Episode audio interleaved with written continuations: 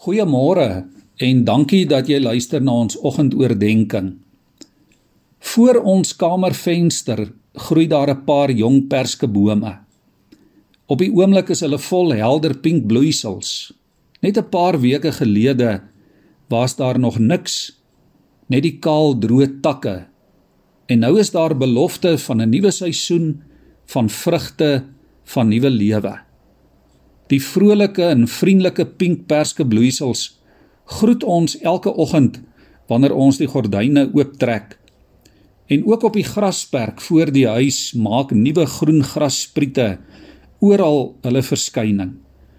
Dit is so 'n spesiale tyd van die jaar met soveel belofte en oral tekens van hoop rondom ons.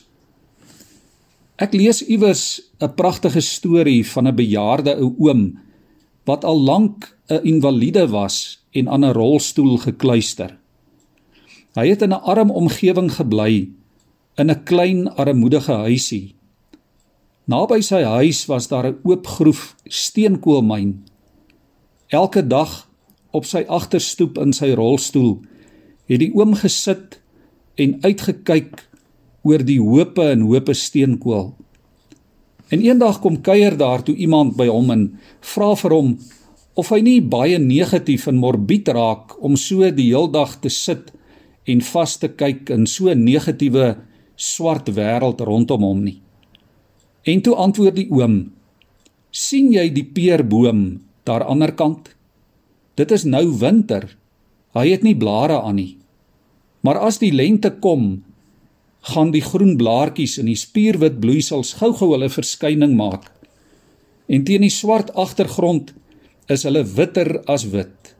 En dit is vir my 'n teken, sê die oom, 'n teken dat God nie hierdie wêreld verlaat het nie.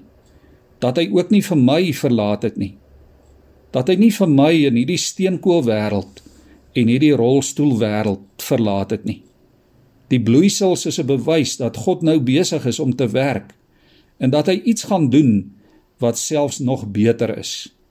Net soos hy die bloeisels later omsit in pere.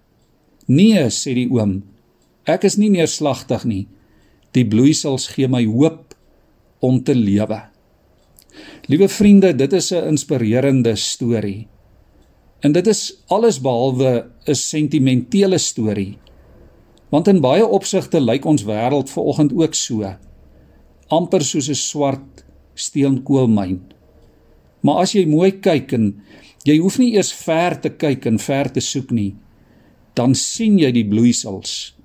Dan ontdek jy die tekens, die bewyse van die hoop en die lewe wat net God vir ons kan gee. Daar is baie valse tekens van hoop. Moenie my verkeerd verstaan vanmôre nie. Maar die meeste kere eintlik die heeltyd is God se bewyse baie nader as wat ons dink. Is dit sommer ja hier reg onder ons oë?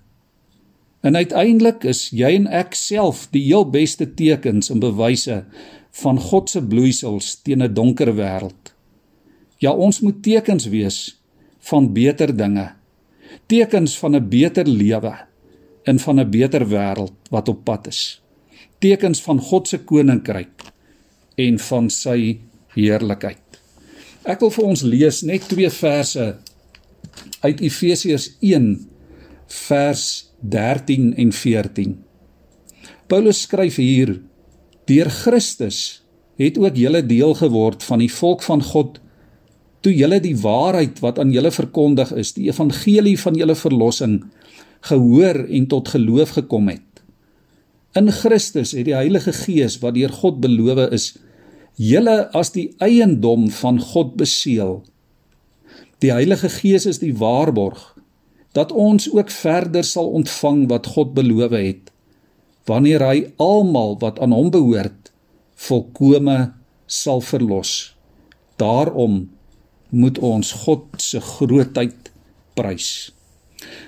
Net daar waar jy sit vir môre Kom ons buig ons hoofde saam in gebed. Here, dankie vir die gawe, vir die voorreg van 'n nuwe dag. Here, help ons vandag om u tekens, u bewyse van hoop oral rondom ons in hierdie wêreld raak te sien.